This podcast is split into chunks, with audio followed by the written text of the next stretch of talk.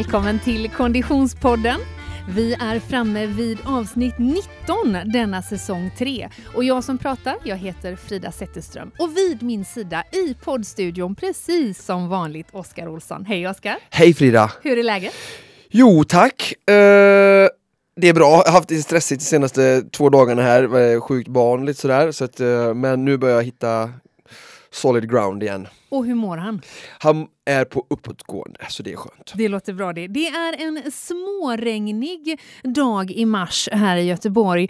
Eh, och eh, många av oss, många av Konditionspoddens lyssnare, håller på och lite grann hämtar hem sig efter eh, Vasaloppet som inte är allt för länge sedan. Och vi ska faktiskt göra en återkoppling till en av våra tidigare gäster i Konditionspodden eh, lite senare i programmet och höra hur det gick för honom i Vasaloppet.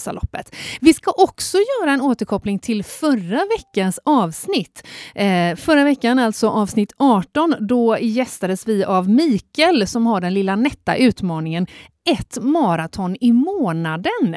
Och då skulle man kunna tänka sig att man är specialist på långpass. Mer om det i dagens avsnitt.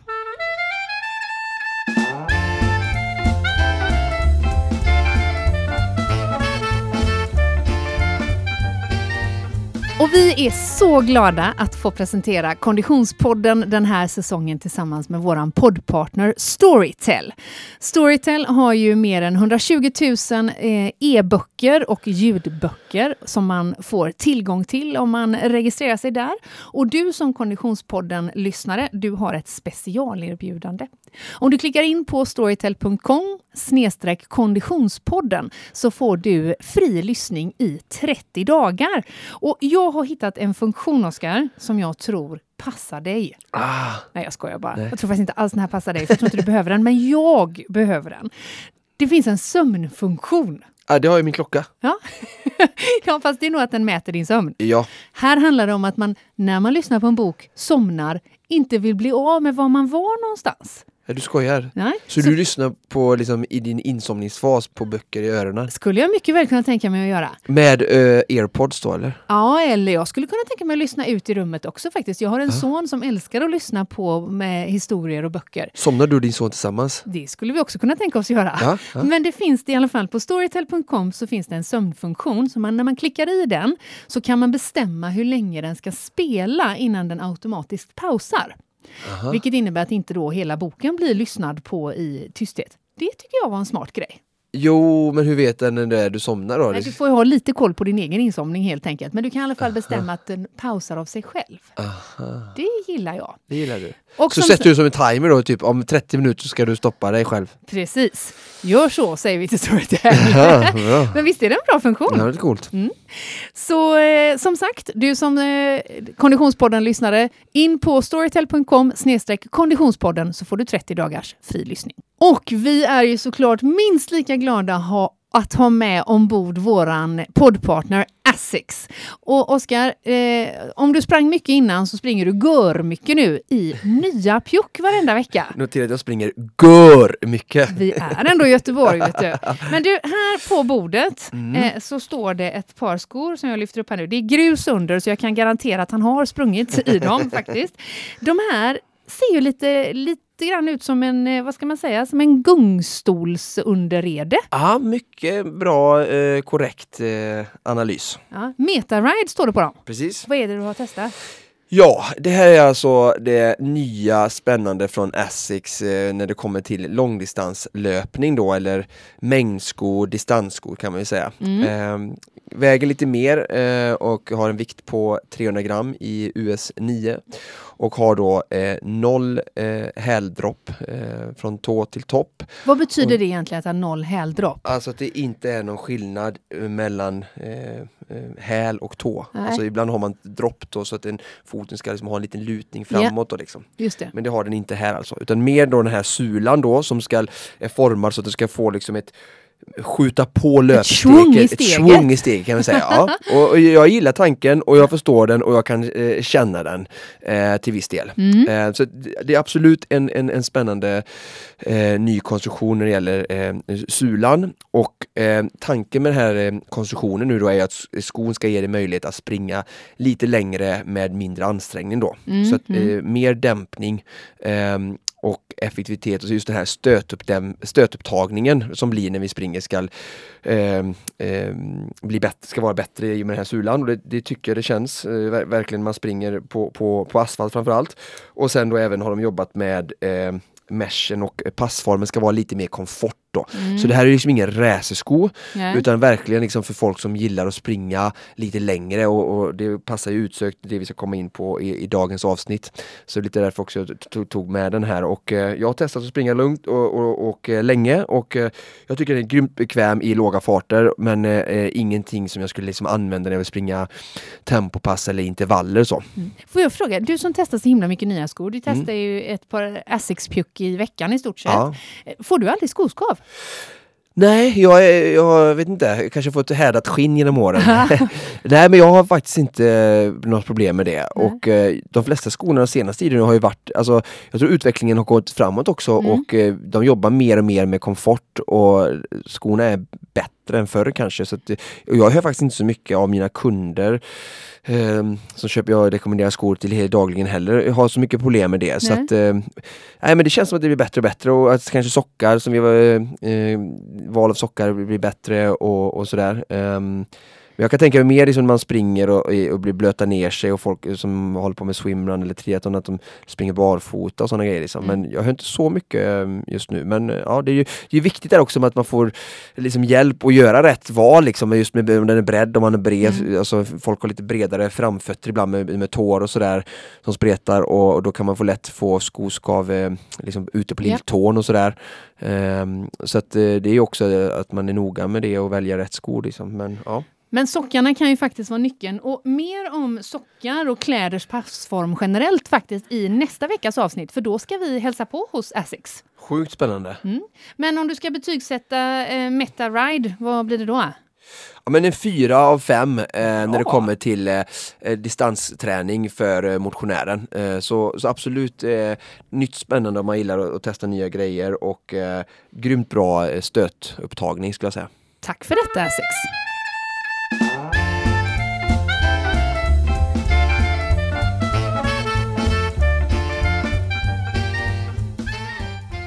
Innan vi ger oss i kast med dagens avsnitt som alltså handlar om långpass och innan vi tar oss an en mängd lyssnarfrågor, för det har faktiskt kommit in mycket Oskar. Ja, jätteroligt. De är aktiva. Väldigt härligt att ni hör av er. Men innan vi går in på det så ska vi ta den bejublade, den beryktade, den framgångsrika programpunkten Producent Niklas träningsvecka. Hej Niklas! Hej, Hur är läget? bra. Eh, Tills nu. Jag tycker du målar upp den här punkten lite för stort. Jag känner, Ja. jag känner press nu. Man kan säga att det, i, i förra veckan så var det ju också lite av en downer. Ja, men den kom ju från att jag hade varit så jäkla på. Mm, just det. Ja, så, så jag var ju pepp innan och sen fick, blev jag ju däckad. Men nu känner jag att jag är tillbaks. Det låter bra det. Programpunkten handlar alltså om att eh, åter hitta motivationen att träna varje dag och målsättningen som den ser ut nu är att producent Niklas ska träna fyra gånger i veckan. Hur har veckan gått? Tack, fantastiskt bra. Jag har eh, dock, eh, måste på, påpeka detta, att det här är utan Oscars stakpass. Jag Oj. eh, skäms ju Just det, lite. det är därför du ser lite skeptisk ut Oskar. hur löste han fyra utan min hjälp? Nej men, men Oscars eh, pass har vi nu fått veta då eh, för de som undrar att de, är, de fortsätter fram till sommaren. Just det, för egentligen var det en Vasaloppsuppladdning eller? Ja, mm, Ja, okej. Så nu, eh, det känns bra. mm. Så Men, bara du därför alltså så har jag hoppat över den här nu. men du har alltså klarat fyra pass utan stakmaskiner? Ja precis, Okej. och då började jag med eh, simpass med eh, Edvard. Mm. Det är fortfarande lugnt och, och, och skönt och sådär och vi är lite olika nivå jag och Edvard. Eh, men eh, vi har kommit över badstadiet nu i alla fall och börjat fundera på Just det, ni är inte mer- bara kanonkulan hela tiden. Nej inte bara.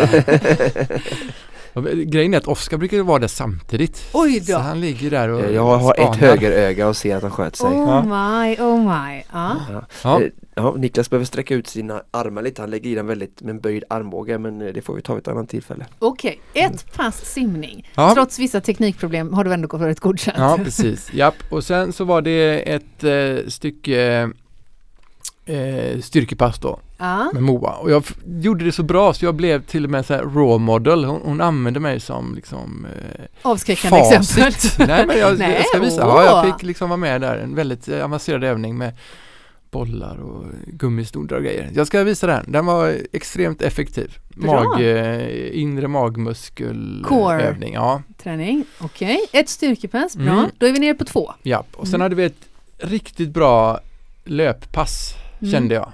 Det var eh, nio kilometer så det var inte superlångt men det var liksom riktigt skönt. Bra. Och nu bra. vi pratar, jag kommer tillbaks till det med skor eh, eftersom vi ska prata om skor sen. Så Ja. kommer jag tillbaks lite till det. Och sen så fick jag till ett simpass till ihop med eh, min son. Okej. Riktigt kul, han har ju gått och träningssimmat lite.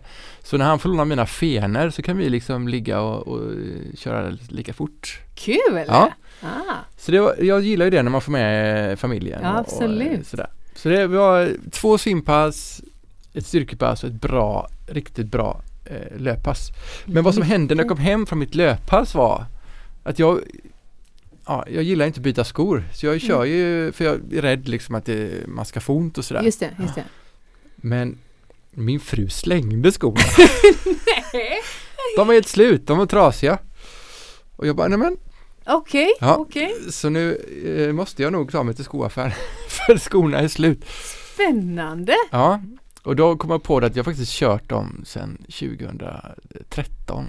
Okej. Jag inledde dem på New York Marathon. Det var läge helt Det enkelt. var läge. Jag tog ett kort på dem innan och så skickade jag dem till Asics och sa det, vad ska jag göra nu? då, och då, då ringde de din fru. Släng dem.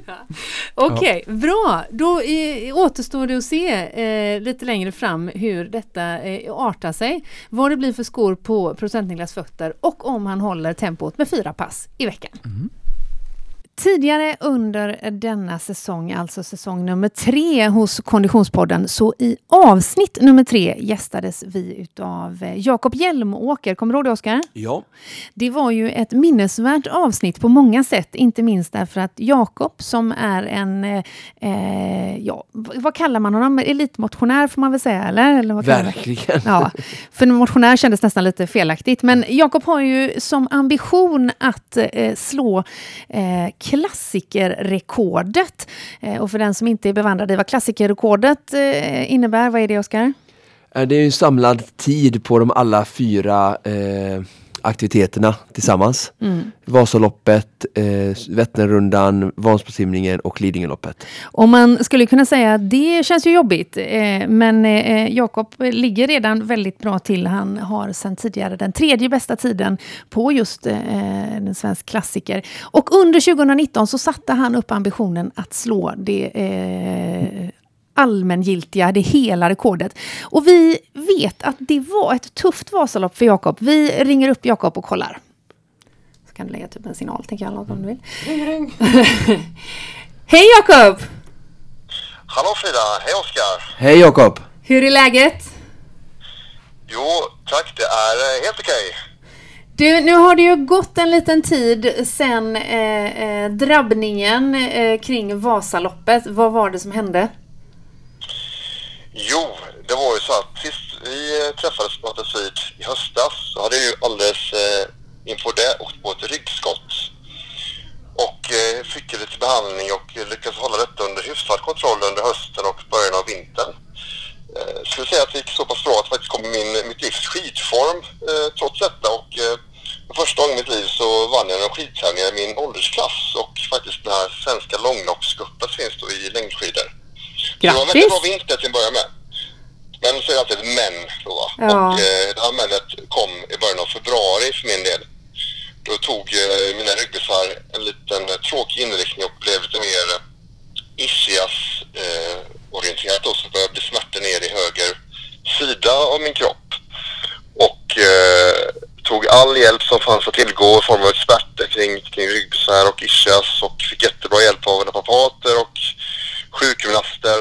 Men ja, det, var, det var en tuff nöt att knäcka och fick väl faktiskt rekommendationer ett par veckor innan Vasaloppet att eh, det bästa är nog att vila helt och hållet åtta veckor från och med nu och eh, låter din rygg läka.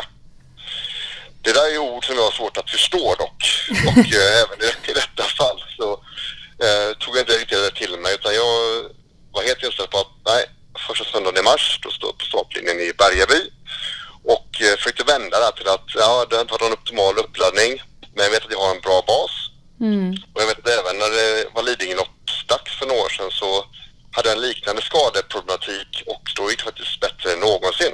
minns att du berättade det. Okej, så du hade ändå en positiv mindset trots förutsättningarna? Ja. Sen fanns det ett annat litet uh, orosmoment i det hela och det var ju väderleken.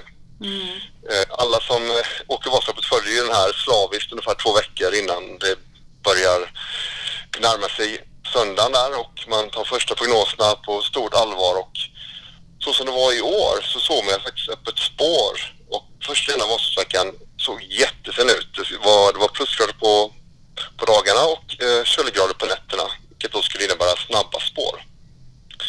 Vad som såg ännu bättre ut två veckor innan Vasaloppet var ju faktiskt Vasaloppssöndagen. Det skulle fortsätta vara varmt och sen blir det ännu kallare upp på nätterna. Så det såg ut att bli riktigt bra rekordföre helt enkelt på Vasaloppet.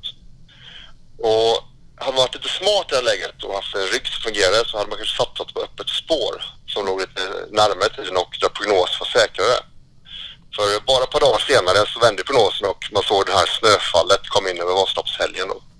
Och eh, den prognosen levererade kan man lugnt säga. Ja. Så jag tog mig upp i alla fall till, eh, till Sälen och gjorde mig startklar.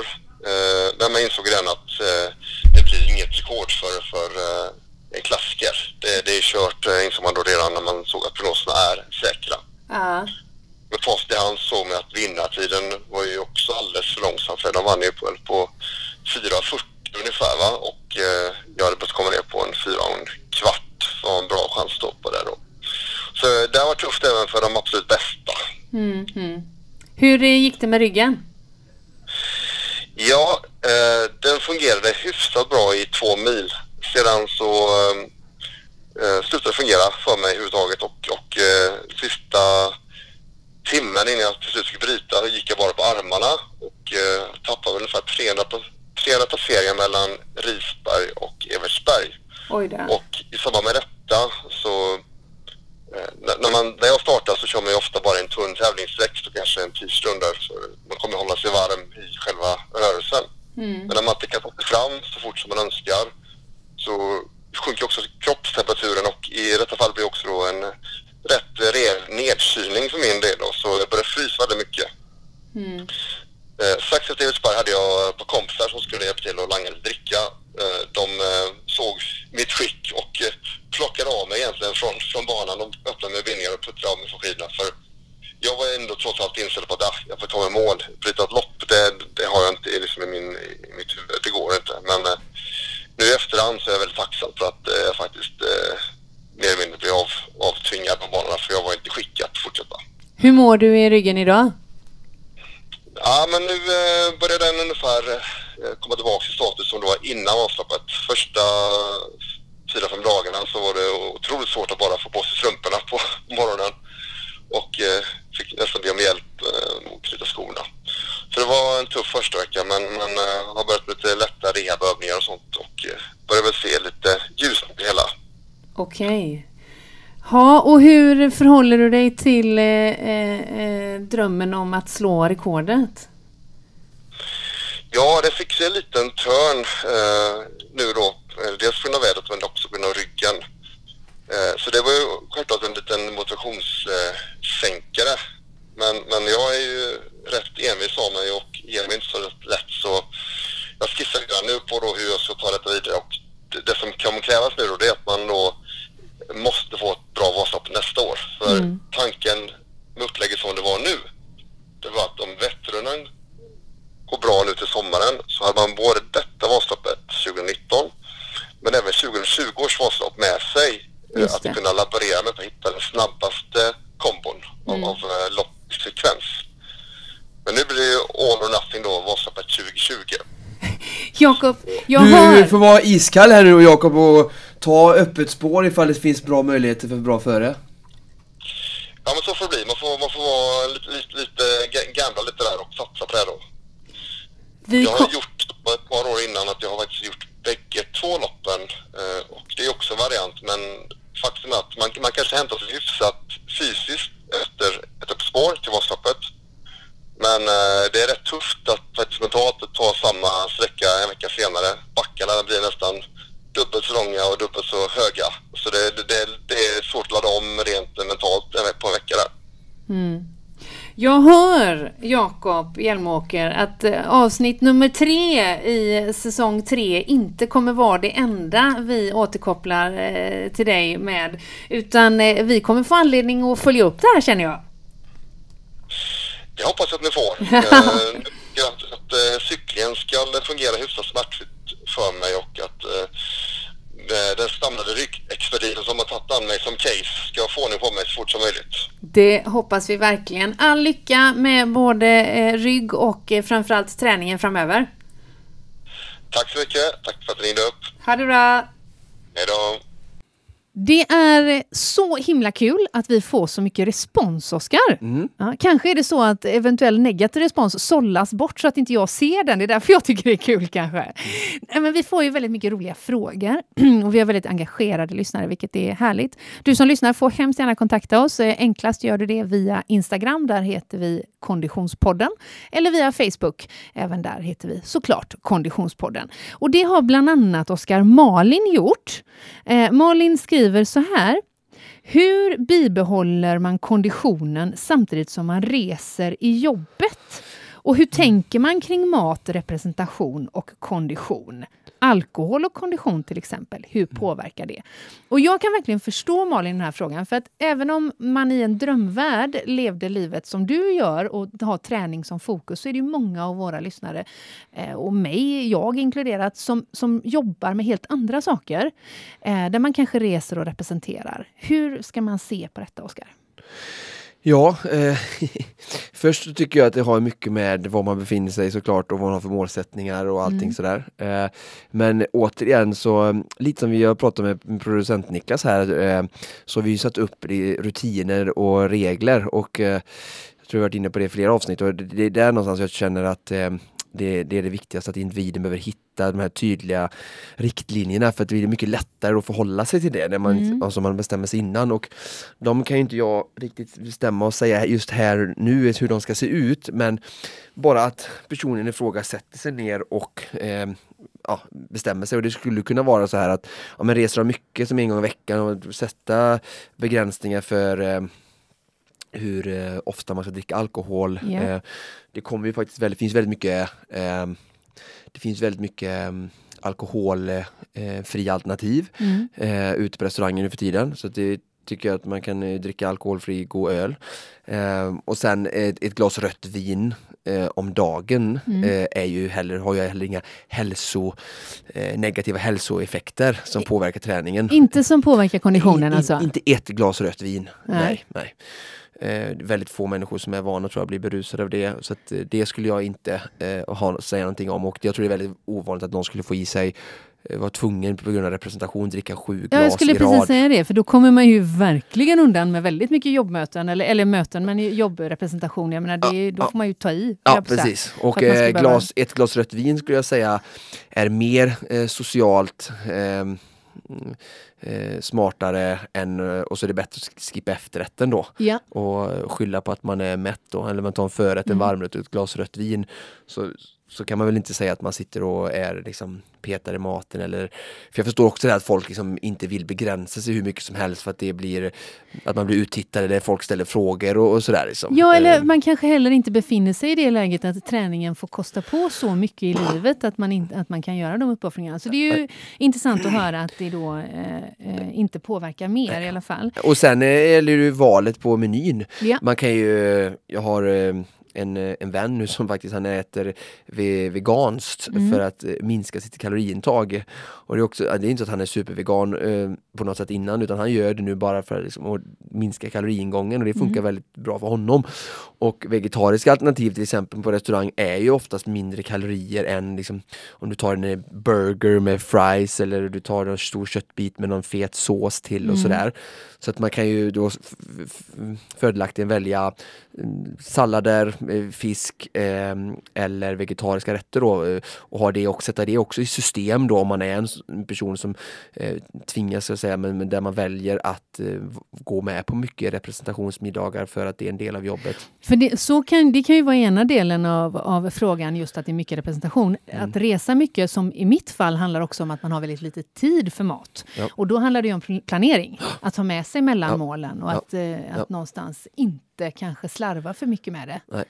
Eh, hur ser du med träning och resande? Vad, vad kan, finns det för tricks liksom, för, att, eh, för att inte tappa för mycket eh, träning? Men, eh, nej men alltså ett par, eh, ett par löparskor och ett, ett eller två stycken eh, löparkit-uppsättningar i bilen. Mm. I någon, alltså typ man skulle kunna ha, ha, skaffa en smart påse eller någon typ av förpackning som ni kan ha i er resväska Mm. eh, så att ni håller borta liksom, lukt kanske man vill ha om man har fina kläder i väskan. Så att ha, skapa någon typ av sån sportbag-aktig påse som du kan alltid ha med dig. Och, jag menar eh, ett par shorts eller ett par tights eller någon löparjacka eh, och ett par skor, det tar inte jättemycket stor plats och det är ganska enkelt då att eh, för att gå ut och kunna springa, eh, köra eh, intervaller, köra korta intervaller köra 15 gånger en minut med en minuts gåvila. Liksom. Hur- Det räcker, man kan gå tillbaka till några avsnitt där vi pratar om högintensiv träning, köra lite sådana pass med 30-40 minuter. Det går i alla väder, i alla temperaturer, i anslutning till eh, hotellet. Mm, eh, mm. Köra om det inte finns på gymmet, mm, kör på löpbandet. ehm. så att, eh, att ha med sig det och liksom försöka få in korta effektiva pass. ehm, tycker jag är smart. Och eh, sen är frågan om alkohol där, alltså alkohol drar ju vätska, sätter igång levern och det är, det är liksom själva nedbrytningen och sådär. Så att jag skulle säga att köra lite mer intervallbetonat innan middagen Ja. Ehm, och sen om man skulle träna efter, dagen efter om man skulle, av någon anledning skulle vara lite bakis för att det blev Ja. mer än ett glas rött vin så mer fokus på distansträning då, alltså att man joggar lite långt Lite och lugnt. Så, ja. Em, Det finns lite forskning från, gjord på att muskelstyrkan går ner lite också så man kanske inte ska köra någonting jättetungt styrkepass dagen efter eh, om man har druckit liksom lite, Mm. lite mer. Och just det att man är uttorkad också, oftast på vätska. Eh, och på lag, alltså inlagringen av kolhydrater är sämre eh, när vi dricker alkohol.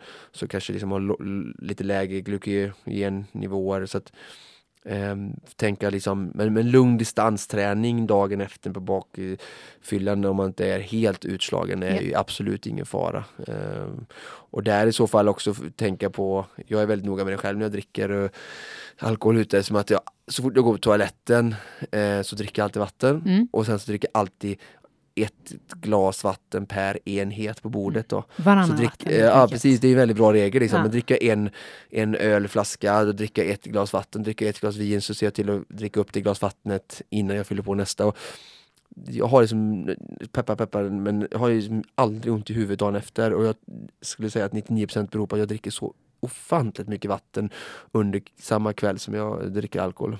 Underbart! Du är eh, ett föredöme Ha, för eh, partymänskligheten. Nej, men tack så mycket! Det var, eh, än en gång får man det bekräftat, vilket är härligt. Att det, eh, there are no excuses. Nej men så är det, enkelt. planering eh, är viktigt. Tack så mycket. Jag hoppas att Malin känner att hon fick svar på sin fråga. Eh, jag tänkte att vi ska bränna av två frågor till här. Bra. Eh, ett har, en har kommit in här på Instagram, tror jag det är. Jennifer har skrivit. Hon skriver så här. Hej kära ni! Hej kära Jennifer! Hej kära Jennifer. Eh, jag måste bara säga att jag älskar er podd. Det var roligt att höra. Eh, jag lyssnade precis på avsnittet Medveten andning och fick verkligen en ögonöppnare. Stort tack! Och det fick jag med förresten från det avsnittet. Härligt med din att höra. härliga mamma. Jag har en fråga, skriver Jennifer. Vilken pulsklocka är hetast just nu? Har en Garmin Forerunner 30 men vill levla upp mig och kan tänka mig att lägga lite över 2000 kronor. Viktigast för mig är att batteritiden är lång med versaler. Tack igen och ha en underbar dag. Det här är en fråga för dig, Oskar. Eller ja, alla frågor är en fråga för dig, men den är definitivt det. Vad, vad rekommenderar vi Jennifer? Ja, eh, jag har ju kollat upp lite då eh, och eh, för mig så finns det ju egentligen två eh, märken att välja mellan. Mm. Och det är Polar och så är det Garmin. Ja. Det är de två som jag tycker. Sen finns ju Sunto också. Mm. Men eh, de två är mina två favoriter. Hon har en Garmin då, en Forerunner Ja, skriver hon. precis. Mm. Och eh, jag tycker ju att Garmin är lite för de som gillar eh, eh, hjälp mig här nu, alltså i motsatsen till Apple. Ah, Okej, ja ja, Android. Android-telefoner, ah, ja. Det. Lite smartare, lite tekniskare. Ah. Och Apple är för de sådana som mig, lite gillar- otekniska, dumma, Gillar lite design. barnsligare design och lite så. Okej. Och, och så skulle jag vilja placera Polar och Garmin också i de Det är två. Polar du har på armen nu? Ja, Ja, just det. eh, Den så är faktiskt Polar nästan för lite Apple. lik en eh, Ja. Apple klart, Ah. ja. Och det är den här nya Vantage då och ja, Polar är ju, den är ju deras senaste version nu då. Så jag skulle säga att den är ju den hetaste på marknaden just nu, Vantage-kollektionen. Snart kommer väl Garmin komma ut med något superaktigt också, det- så det går ju lite om varandra hela Ja. Men just det här Polars eh, nya serie som mäter också nu på handleden ska också vara den som är mest precis just nu då Mm. eh, och ligga i framkant. Men som sagt, det kan ju bara vara tidsfråga innan någon annan Hur länge kommer. har du haft den här? Den har jag haft i en månad. Ja, är du nöjd? Alltså så toknöjd. Ja, den är väldigt snygg faktiskt. Jag Ja. trodde aldrig jag skulle säga det. Nej. Men, eh, men, Säger eh, modegurun själv. Ja, nej men eh, Ja. för att vara en pulsklocka så är Ja. den ju oerhört stilren. Nej men så gillar jag. Så, men jag har den här eh, eh, Vantage eh, V då, värstingmodellen. Eh, Mm. det finns två stycken. Eh, sen finns det en, le, det, en eh, enklare variant Mm. som kanske skulle passa vår lyssnare då. Mm. Eh, för jag har försökt kolla lite då på prisförfrågningen också som hon nämnde. Hon sa ju Mm. runt strax över 2000. Mm. Eh, den här Polar Vantage V som jag har kostar ju 5000 Mm. eh, Vilket såklart är värt med allting man får men sen har de en Vantage M Mm. eh, och den kostar 2,7 Okej. eh, Så den är ju eh, det är lite mer närmare då Och framförallt då för att jämföra med till exempel Polars tidigare i den prisrangen som var 430 hade eh, batteritid på typ, typ 10 timmar och eh, eh, Vantage M nu den här nya eh, har upp till 30 timmar batteritid i med alltså GPS och pulsmätning samtidigt. Oj, det måste väl Eh, ändå vara bra? Ja, det är va? jättebra, jättebra. Ja. Så det, det, de har verkligen kommit, eh, och batteritiden är ju så som telefonen, det är någonting eh, eh, fabrikörerna jagar hela tiden. Om man kollar då till exempel motsvarighet prisklassen så skulle jag säga då att det är Garmin Forerunner 235 som är ute efter som också kostar 2,7. Eh, jag skulle säga att den är lite tråkigare design, Mm. lite, eh, den är lite äldre, alltså den har inte, den har inte kommit nu utan den har funnits ett tag. Mm. Och batteritiden där med GPS-läge 11 timmar. Mm. Eh, Så 11 mot 30 timmar är ganska stor skillnad.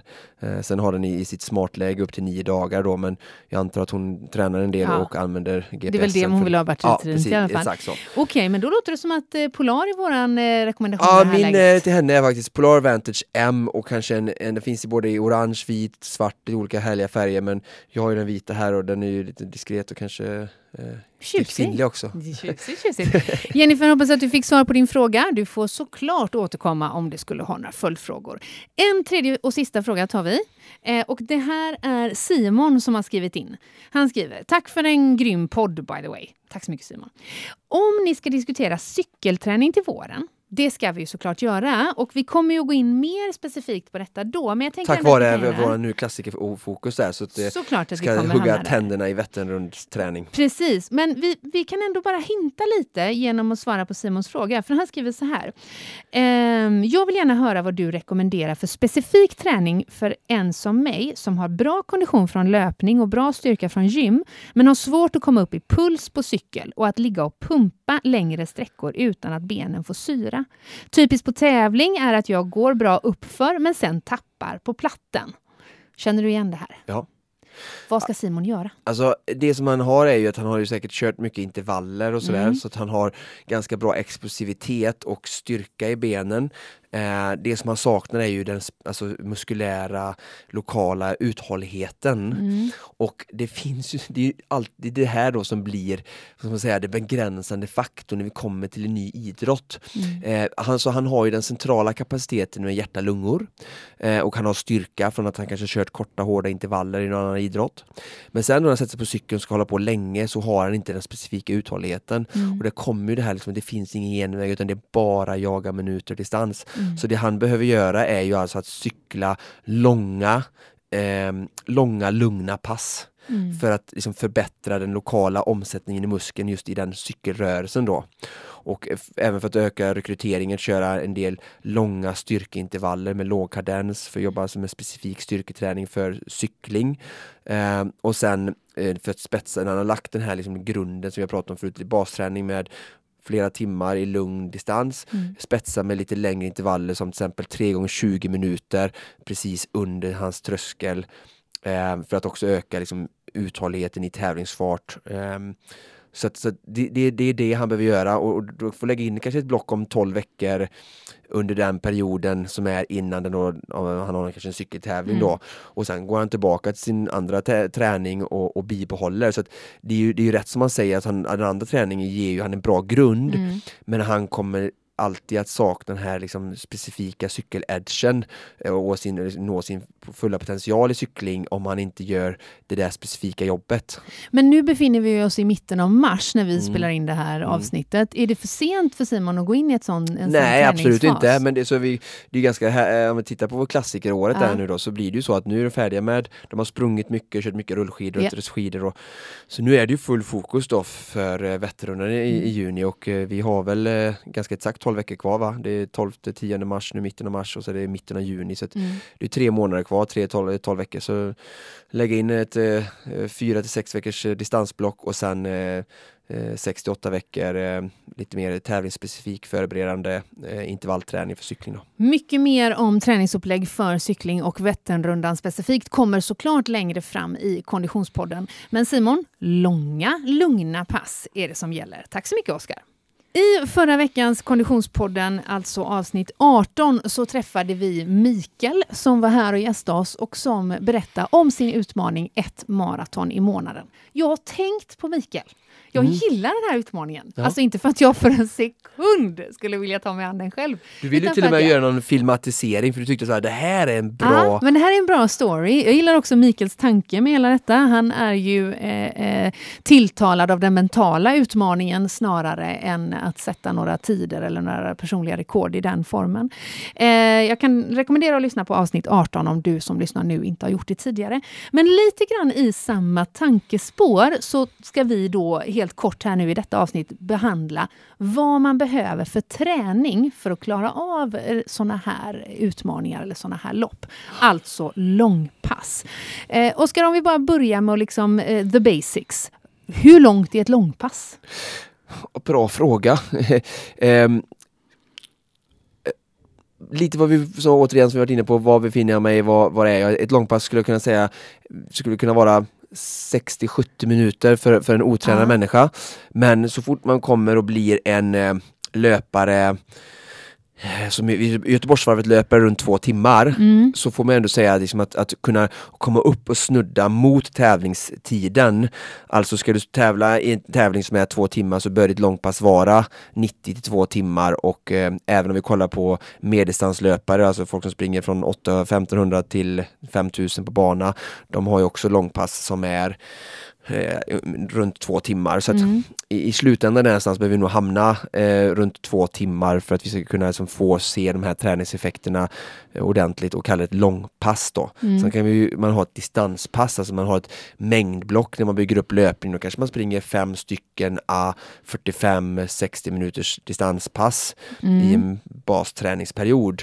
Ehm, och, och, men då är det ett distanspass och nu säger, frågar du efter långpass. Så skillnaden mellan distanspass och långpass är alltså? Ja, längden. Ja.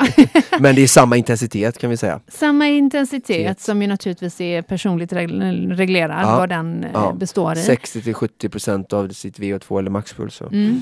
Och man bör eh, hamna kring timman i alla fall. eh, I början, i ja. början. Och sen jaga sig upp till två timmar i alla fall och, eh, för motionären då. Sen såklart eh, ska man köra Vätternrundan så skulle man ju, så behöver ju ens långpass fortsätta att byggas på upp till fem timmar och Mm. ska du springa maraton så behöver ditt löppass kanske fortsätta byggas upp till upp mot drygt tre timmar. I löpning kanske man inte riktigt, eh, då, jag, då det sliter mer med löpning. Så Ja. där kanske inte tipset är att nå eh, din tävlingstid. Eh, eftersom att det kanske springer mara på fyra timmar säger vi. Så springa fyra timmar på träning för en, en, en motionär kan vara ganska, ganska mycket och kräva Ja. lång återhämtning så det kan vara eh, dålig eller fel prioritering eh, av veckans timmar. Men upp till två timmar då men på ja, men cykel och skidor så som sliter lite mindre så får man gärna försöka närma sig tävlingstiden på den sista eh, distan- eller långpassen då mot tävlingen. Men man börjar ju liksom kanske som sagt 12-20 veckor Mm. ut från tävlingen och så bygger man successivt upp och höjer med 5-10 minuter per vecka på långpassen då. Det är naturligtvis så, inser jag när jag hör dig prata, att det är tid man pratar om, inte Ja. distanser. Och det här är ju väldigt, eh, jag skulle säga här är en väldigt felaktig eh, jakt eller vad ska vi kalla Ja. det, fokusering hos motionären. Jag följer ju, alltså jag blir ju mer och mer medveten om hur motionären tränar tack vare Instagram och sociala medier där både mina följare och andra kunder och, och sånt lägger upp eh, eh, Sin sina träning. träningar. Ja, ja. Och då är det mycket prat om Distanser. eh, distanser. Jag känner kollar- igen mig själv i Ja, detta. och om man kollar eh, på exempel, ja, men jag, jag gillar att ta längdskidlandslaget som exempel, vi kan ta cyklingen, men bara för att de är så långt framme i att följa forskningen på Mm. när det gäller att träna kondition och uthållighet och de, de, de, de pratar bara tid. Liksom. Om du frågar Stina Nilsson, så, här, så sa hon i sin intervju att hennes favoritpass det var tre timmar distanslöpning i myr eller så. Då. Och då säger ju inte hon så här, ja, det är tre mil distanslöp som är viktigast för att det beror helt och hållet på dagen, hur känner hon sig, underlaget, regnar det, haglar det, är det motvind? Alltså det är så många faktorer. Men att- kroppen ska ändå jobba lika länge. Exakt liksom. så. Och, Så det är en given tid på en given belastning, that's it. Hur långt du kommer är ju bara relevant ifall jag ska tävla eller om jag ska köra en, en intervall där jag vill någonstans vill mäta mig och se om jag blir bättre från förra gången. Ja. Men långdistanspass eller distanspass, de har ju inget, de mät, de har man ju inte som för att kolla, har jag blivit bättre mot förra gången? Utan där får man ju gå på känslor och att ja, när jag sprang tre timmar för två veckor sedan, då kände jag mig lite tröttare än jag gör nu. Så det är ju mer en, en upplevd känsla man får mäta då. Det kan man inte mäta liksom i, ja jag kom 30 kilometer förra gången, idag kom jag bara 28. Ja men du det var snö två Nej. decimeter Ja, ja, i Göteborg. Men jag, för jag sitter och, när, när du pratar, precis som vanligt, så, är det ju, eh, så låter det ju så, så eh, självklart och, och naturligtvis är det ju helt rätt. Men jag, jag, jag, jag är Det är verkligen bara mina dem. egna Nej, uppfattningar men och det är helt smart. Ja, det, det, jag hör ju verkligen detta, eller jag fattar ju det när jag hör dig. Men, men, och jag är definitivt slav under distanser när jag tränar. Och jag tänker också att jag får ju det eh, delvis av liksom social yttre påverkan och att men det känns bra att säga att jag sprang fem kilometer eller jag sprang en mil eller vad man nu man säger en distans. Eh, men, men det är också så att jag som springer med en verkligen banal Nike-app den talar ju om för mig hur långt jag springer, inte hur länge jag har hållit på. Nej. Det kanske är en inställningsfråga, men Mm. i liksom grundinställningen så talar den ju om varje liksom sprungen kilometer, inte Mm. varje sprungen tio minuter. Så det är också så att vi har ju ett, ett, ett, eh, träningssamhälle som till viss del eh, pratar mycket distanser. Mm. Men eh, om man nu säger att vi har en, en konditions... Man är Konditionspodden-lyssnare som kanske har eh, gjort Vasaloppet för några veckor sedan, har Vätternrundan framför sig, men så småningom också ska springa eh, Stockholm Marathon som, som en del i en svensk klassiker. Eh, Stockholm Marathon är inte med, men Nej, Lidingöloppet. förlåt, Lidingöloppet naturligtvis. Om vi nu eh, tittar då på... De får gärna springa Stockholm Marathon också, får- väldigt trevlig tävling. Ja, Asics Stockholm Marathon till och med. Om det nu är så att man eh, ska ge sig på ett riktigt långlopp framöver, när tycker du att man behöver börja planera in för långpass i sin träning? Mm, 12 veckor då säger vi. 12 veckor innan. Det är en bra... Mm. Innan dess är det liksom inte... Jo, alltså det beror ju så här, är jag bara löpare så ska ju... så men ju, det är man ju inte. Nej, precis. Nej. Men men vi pratar om, är man en klassikermänniska så skulle jag säga så här, men det är fördelaktigt om man kan, så försök att jobba i 12 veckors cykler i alla fall, eh, där du kan eh, där du kan eh, bygga upp dig mot din tävling i den specifika idrotten Mm. och sen lita på din grundträning du har från en annan idrott, till exempel skidor eller cykel, när du går in och gör ett löpfokus till exempel. Mm. Så 12 veckor ut från, eh, från Lidingöloppet då. Och det stämmer väl ganska bra från 14 juni till eh, 23-24 september, det är väl ungefär 12 veckor. Mm, mm. Eh, om man eh, ska ladda för ett långpass eh, på träning, vi säger att man nu befinner sig inom den här 12 veckors cykeln. Eh, hur, hur, hur ska man liksom bygga upp ett sånt pass eh, med energi till exempel? Mm. Vad, n- när på dygnet passar det bäst att göra det och vad ska jag ladda med innan? Alltså det spelar egentligen ingen roll när du, när du gör det ehm, tidsmässigt utan ta, det, ta den tiden som eh, passar familj och eh, vänner bäst. Mm. Familj är det sättet att det stör, ger dig minst ehm, mm, social stress. Ja. Det är någonting dåligt med social stress. Eh, alltså du får press att du ska vara hemma viss tid och du blir stressad och sådär. Så att ta det när du lirar bäst med familjen. Och sen har vi din biologiska klocka. Tycker du är skön att springa på kvällen, gör det. Eh, tvinga dig inte att ta en viss tid bara för att. Och sen sällskap på, på långpass är ju alltid att föredra. Ja. Både för att liksom hålla uppe farten men även liksom gå i tid mycket fortare. Man har någon att prata med och, och dela eh, svetten och glädjen med. Mm. Ehm, så att de, de parametrarna skulle jag säga är mycket viktigare än att det spelar någon roll rent ur prestationssyfte vilken tid. Eh, och sen att ladda upp energi. Eh, Det beror lite på vad som är syftet med eh, långpasset också. Jag skulle säga att det finns två saker. Eh, den, första, den viktigaste delen är att du har, har mycket vätska. Mm. Så att drick mycket eh, kvällen innan och eh, på morgonen och sådär. Liksom, så att du är, verkligen har mycket vätska. För vätska, du svettas gör man alltid på långpass. Så att fulla vätskenivåer är, är jättebra. Mm. Sen såklart kan man äta innan, kvällen innan om man vill. I de första långpasserna, när det är långt från tävling, så ehm, tycker jag och har känt själv personligen väldigt stor effekt på det här att man eh, train low, compete high. Mm. Alltså man lär kroppen att, eh, alltså man har sett det i forskning och många Sky som är ett av Sverige, världens fram, framgångsrikaste cykellag har använt sig mycket av den här träningen när de är långt ifrån tävling då under uppbyggnadssäsong, att de tränar på tom, tomma depåer, eh, bara på vatten då och inget sportdryck och sådär. Mm. För att liksom effektivisera cellens förmåga att använda fett som energikälla och så. Så att jag tror på det och jag har testat det på både atleter jag jobbar med och jag vet att många på elitnivå testar det och, och funkar.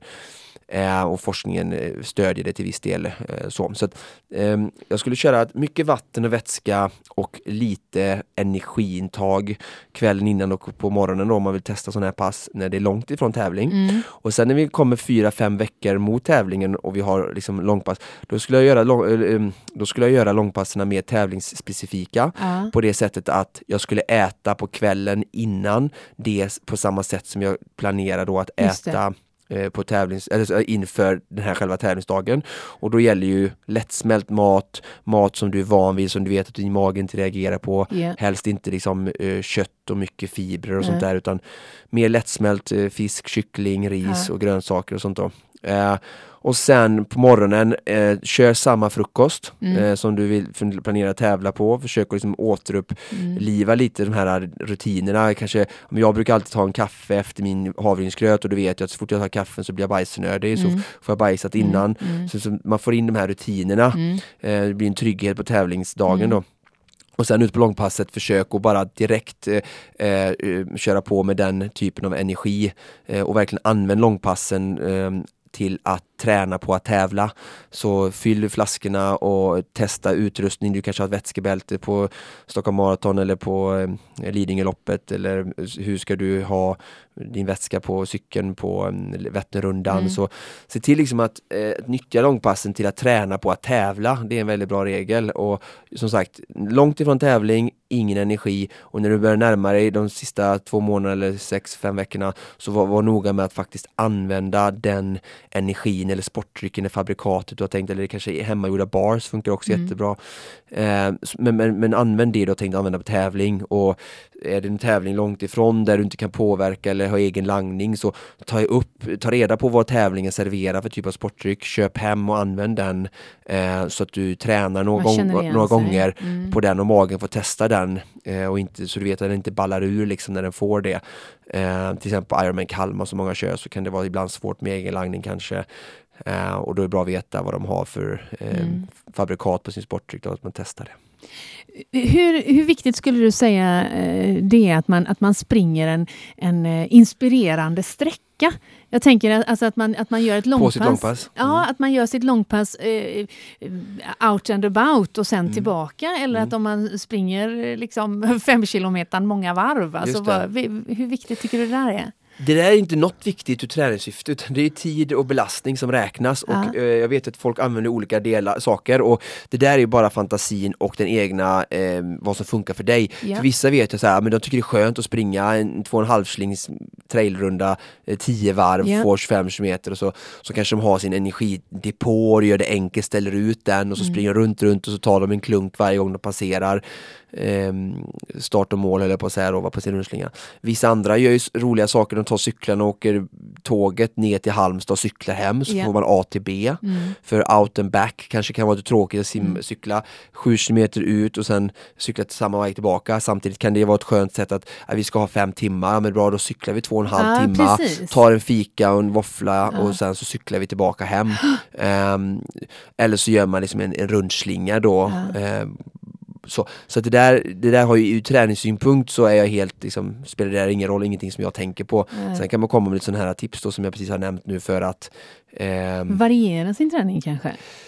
Eh, ja, alltså skapa stimulans som Ja. Mm. du trivs med. Och som sagt, man, vissa så här eh, träningskompisar har, de gillar ju att göra såna här liksom, samma runder, tråkigt, Mm. kort och så flera varv liksom. Och, och eh, ibland kan det finnas en, en, trygghet och skönhet i det och veta att man inte blir avbruten. Alltså, ska du springa långt och, och okänd terräng eller cykla så kanske mycket stopp och osäkerhet och då, då påverkar ju det, liksom, intensiteten går ner du blir störd liksom. Och man Så lägger det- sin kraft till viss ja, också precis. på det. Hur springer du när, du när du, om du skulle träna ett långpass nästa vecka? Var, Mm. skulle du förlägga det då någonstans? Eh, nej men både när jag cyklar och när jag springer så, så, så gillar jag att göra eh, rundslingor.